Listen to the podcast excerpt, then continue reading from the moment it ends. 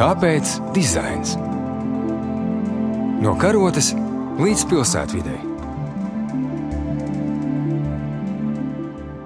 Labdien, radio klausītāji! Klasikas studijā ir Ilza Martinsone, Latvijas arhitektūras muzeja vadītāja, un mans viesis šodien ir arhitekts Ivars Šļivka. Un par mūsu šīs dienas sarunas iemeslu kalpo izstāde, kas ir atklāta Nacionālajā Mākslas muzejā un saucās Mūra nojaukšana. Bet, lai nebūtu pārpratumu, mēs nerunāsim tieši par šo izstādi. Nacionālā mākslas muzeja izstāde ir veltīta mākslas procesiem, kas notika atmodas laikā, visam tam, kas ievadīja politisko atmodu. Un var secināt, ka notikusi pietiekama laika distance, lai par šiem procesiem runātu. Nu jau viņi ir pietiekami seni, un mēs to varam izvērtēt no mūsdienu skatu punkta. Un ar savu raidījumu mēs gribējām paplašināt šīs izstādes dimensiju un runāt par to, kas, protams, notika arī citās kultūras sfērās un notika arī arhitektūrā. Un jāsaka, ka šajā virzienā ir sākušies jau pirmie pētījumi. Nu, vispirms es pati esmu nolasījusi lekciju postmodernisms Latvijā, arhitektūra un dizains dekoratīvās mākslas un dizaina muzejā. Šī lekcija ir publiski pieejama muzeja YouTube kanālā, bet mēs šodien runāsim par arhitektu grupu Māja, un šim notikumam ir veltīts Lūcijas Rebekas brālītes akadēmisks pētījums Latvijas Mākslas akadēmijā. Ja kāds interesants vēlās, tad Mākslas akadēmijas bibliotekā ar to var iepazīties. Bet pirms mēs ar Ivaru sākam runāt, es mazliet gribu raksturot to vēsturisko fonu, kas noved pie grupas māju dibināšanas. Pirmās tādas pārmaiņas, kuras var definēt arī kā politiskas pārmaiņas, Latvijas arhitektūrā parādījās 70. gadu vidū. Parādījās pirmie reģionālisma arhitektūras projekti. Reģionālisms vēlāk saplūda ar postmodernismu. Un tā bija arhitektu vēlme pēc identitātes veidošanās, pēc pretošanās unifikācijai, kaut kāda vietas piederības iezīmēšana, kas bija pretstatā valdošajam modernismam un valdošajai unifikācijai un lētajai ātrajai būvniecībai. Varam pieminēt kā pirmos projektus Edgara Šenberga projektus, kas bija atrakcija pils Daila jūrmalā, kas ir tagad iznīcināta. Un ir interesanti, ka Šenbergam šogad aprit simts gadi, un viņa piemiņa tiks iemūžināta tieši ar šīs atrakciju Dailas projektu izstādē Jūrmalā.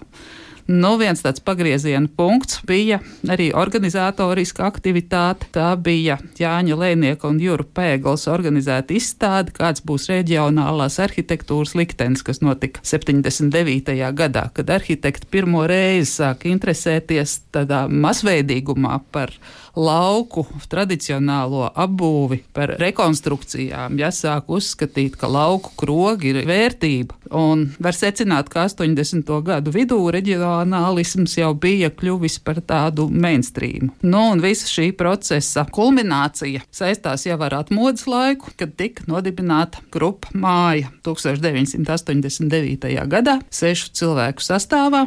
Tā ir pirmā un vienīgā latviešu arhitektu konceptuālā grupa. Latviešu arhitektūras vēsturē tādas vairs nav bijis, kas nāca klajā ar savām aktivitātēm un arī ar savu manifestu. Grupas sastāvā Ausmas Kuiņa, Zaiga Gaile, Ivars Šļivka, Zintis Butāns, Raits Jelēvičs, Girts Admins. Tagad es gribu jautāt Ivaram Šļivkam, kā šīs grupas dalībniekam, vēl pārsteidzoši jaunam cilvēkam, jo gadi ir pagājuši daudz. Tu biji pavisam jauns tajā laikā, kad šī grupa tika dibināta. Bet vispirms es tev gribu pajautāt, vai tu kā jauns speciālists, kas bija ienācis profesionālajā vidē, tu sajūti jau vēl pirms grupas māju dibināšanas kaut kādas tādas kumulācijas un pārmaiņas, kas notiek arhitektūrā?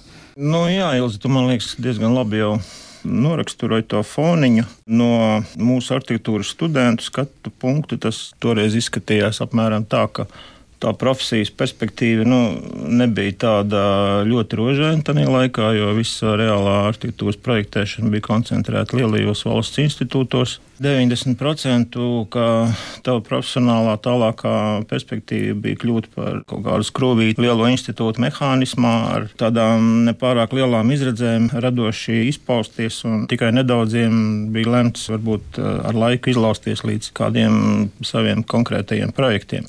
Mēs redzējām, redzējām, ka tajā laikā parādījās tāda tendencija. Bija tāds padomju laika labs veidojums kā kolhoza.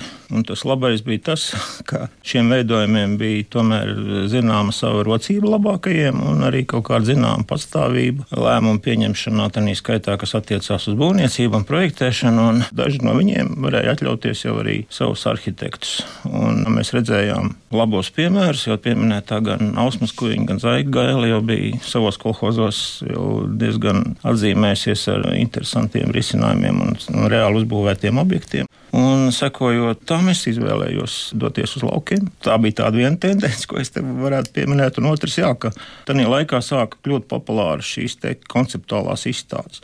Ļoti populāra bija jauno arhitektu ikgadējā izstāde. Liels bija dalībnieku skaits, pussimtu noteikti, ja tajā laikā. Un, sāka rasties arī citi konkursi. Vairāk vai mazāk viņi tomēr bija nevis konkrēti, bet tādi konceptuāli, kur um, bija iespēja jauniem arhitektiem sacīt, nolaist laiku, izpaust savu radošo potenciālu. Nu, un ar tādu varbūt mazliet naivu, bet cerību, ka šīs idejas aiziet arī līdz tā laika lēmumu pieņēmējiem un kaut kas mainītos arī vispārējā būvniecības politikā. Kā tad radās pati grupa māja? Nu, jāsāk viss ar Latvijas lauka arhitektu kopu Mēs eh, bijām katrs savā kolhozā, katrs savos laukos. Mēs bijām principā vieni paši. Mums nenormāli pietrūka šīs komunikācijas, mums pietrūka arī diezgan elementāra zināšana, ko kolēģi projektēšanas institūtos varēja apgūt daudz ātrāk un arī pietrūka šīs radošās vides. Tāpēc šī lauka arhitekta kopa darbojās ļoti intensīvi. Mēs braucām, organizējām izstādes. Manā laikā bija divas izstādes, kur mēs prezentējām savus lauku mājas. Tanī laikā bija postmodernismu ziedu laiki. Mēs mēģinājām arī uz savas pieredzes bāzes un skatoties, cik toreiz bija iespējams kaut kādās tendencēs pasaulē. Saprast, kas tad ir tas, kas veido šo harmoniju. Vecās lauku mājas, kāpēc mēs tur jūtamies tik labi. Un arī šie postmoderniskie uzslāņojumi, viņi varbūt ir tikai tādi uzslāņojumi, bet kas tad ir šī būtība? Varbūt tieši tādā tekstā nebija sākotnēji noformulēts šis jautājums, bet eh, mēs tā kā neveļus uz to gājām. Paši rīkojām ekspedīcijas gan uz Igauniju, gan tepat pa mūsu laukiem. Galvenokārt tikāmies ar ļoti daudziem cilvēkiem, kas vairāk vai mazāk ar šo sfēru bija saistīti. Un uh, pamazām no visa šī pulciņa izdalījās tāda maza aktīvistu grupiņa. Mēs seši cilvēki, jā, kas tikāmies biežāk, tikāmies atsevišķi. Un, ja godīgi, es ļoti švaki atceros, kurā brīdī tika nolēmts, ka būs mūsu grupa, būs mūsu māja, un ka mēs kaut ko darīsim ne tikai iekšējā savā pulciņā, bet arī kaut ko iznesīsim uz āru.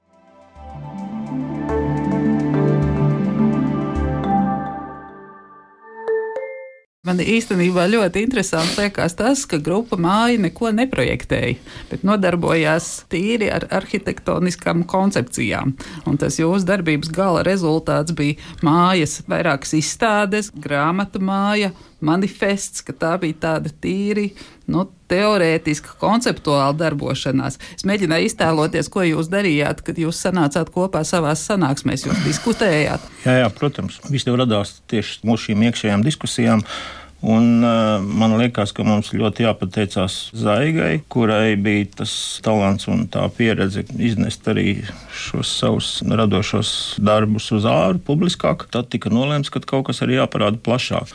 Pat cik mēs pārsvarā savācāmies Arktētas Savienības telpās, tad uh, mūs tur vairāk vai mazāk ievēroja arī Arktētas Savienības vadība, toreizējais Jānis Dripe, kas bija Savienības priekšgalā. Neatceros, kas bija šis tieši starts Manuprāt, tas bija iespējams saistīts ar Tallinas eh, trienāli, kad mēs tā vairāk sākām apkopot to, ko mēs esam sasmēluši. Ja es saprotu, ka viens atskaites punkts bija šī Tallinas trienāle. Tiek pat reizēm uzskatīts, ka tikai tāpēc jūs sanācāt kopā, bet es saprotu, ka tas nav gluži taisnība.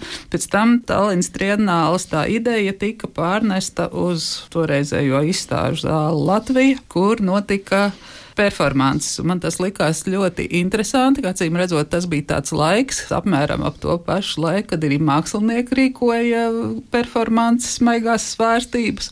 Un jums tas arī nebija vienkārši izstāde, kur kaut kas būtu izstādīts, bet tas bija dzīves process, kas tajās performancēs bija izstādīts un kas tur notika. Tagad, skatoties uz to tālo, ļoti tālo pagātni, tas tiešām liekas kaut kas grandios. Es nezinu, vai šobrīd grūti tagad uzreiz iedomāties kaut ko līdzīgu. Es viņu sauc par happeningu. Tas bija 10 vai 11 dienas kad uh, lielāko Latvijā izstāžu zāli Latvijā mēs apdzīvojām ar un iekš un virs un ap māju. Ja. Tur tika uzbūvēta šī māja, un tad mēs, es pat nezinu, Man liekas, ka tas viss pasākums drīzāk velk uz mākslu. to žanru, lai mēs tur noformulētu. Ja, jo tur bija gan uh, diena zintniekiem un ādarniekiem. Drīzāk tā bija kaut kāda konferences stila pasākums, laikam, ja, ar tādu saviesīgu piesitienu. Ja gan tur bija uh, maigās svārstības mūsu toreiz vadošā avangarda mākslinieku grupā ar, ar savām performancēm un ar reālu darbu veidošanu šī vietā, gan Hārdijs Lediņš ar savu NSRD. Tas bija kaut kāds 11 dienas, divu nedēļu garumā ļoti labi apmeklēts bija pasākums. Bez tā paša pasākuma kā tāda, es vairāk atceros tos kontaktus un afterpartijas, ja tā var nosaukt tos vakara pasākums, kad jau oficiālā ieeja bija aizslēgti. Mēs tur vēl ilgi sēdējām un pie vīna glāzes diskutējām ar māksliniekiem un visdažādākajiem toreiz inteliģences cilvēkiem. Es saprotu, ka grupas priekšstādā pamatā bija mitoloģijas, pasaules kosmogēniskās uzbūves pētījumi, un tas galvenais bija meklēt latviskā mājokļa tādu teorētisko arhetipu. Jums arī bija savs manifests, kur jūs to teorētiski noformulējāt, kas ir centrs un kas ir dievs. Bet tā vērtējot no šodienas skatu punkta, tur ir arī diezgan daudz ezotērikas un arī, manuprāt, diezgan daudz tāda atmodas laika romantiska naivisma varbūt. Kā tu raugies uz to tagad? Nenoliedzami tas tā bija, bet es raugos normāli. Tanī laikā krita šīs priekšskats pamazām arī. Un mēs burtiski grābām kā svaigo gaisu šo informāciju visos iespējamos virzienos, kur nu toreiz varēja. Ja? Skatījāmies uz ārzemēm, gan skatījāmies uz savu pagātni. Zinām, daļa ezotērikas arī bija klāta noteikti, kas iepriekš bija tā tāds aizliegtais auglis. Bet tas bija tas periods, kas bija visiem jāpārslimo, un tālāk jau tās slimības komplikācijas, cik nu kuram tālāk ir palikušas. Jā.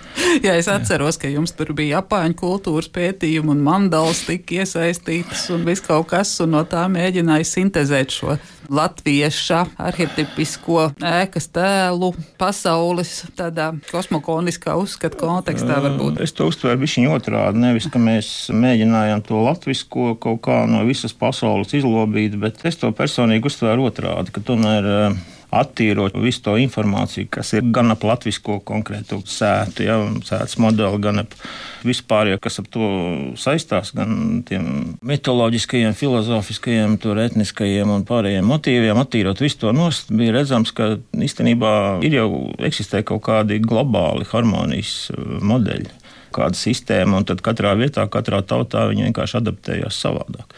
Un tāpēc bija mums blakus gan šīs piramīdas, gan uh, mandāls, kā tādi piemēri. Jā, man liekas, viens tas ļoti interesantais virziens, ko tu arī stāstījis, jau pieminējis par ekspedīcijām, bija tas, ka jūs nodarbojāties ar ādaru kartēšanu un mēģinājāt saistīt to ar arhitektūras vēsturi vai mūsdienu arhitektūras veidošanas principiem. Nu, tas arī tāds diezgan slidens temats. Jūs toreiz nonācāt pie kādiem secinājumiem. À. Tā arī bija laikam veidu veida modes lieta, kad šī jā, jā, jā, tika pētīta. Vienā ziņā tā bija noteikti tādā brīdī modes lieta. Jā. Tev vajadzētu nointervēt ģirta ādmeni, jo viņš bija stipri vairāk iesprieņš šī virzienā.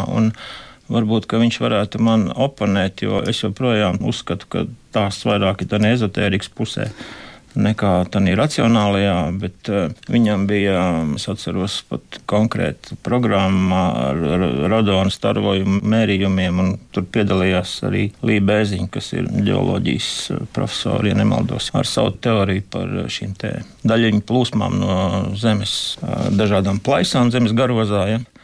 Es kļuvu diezgan par skeptiķu šī virzienā. Pirmkārt, tāpēc, ka varēja redzēt, kad uh, tiem rīksniekiem diezgan atšķirās kartes, ko viņi zīmē vienā un tā pašā vietā. Tad es vēl lasīju literatūrā, kad ir veikti mērījumi un ka īstenībā pirmais norēģē tas rīksnieka muskulis un tikai pēc tam tā rīkstīt.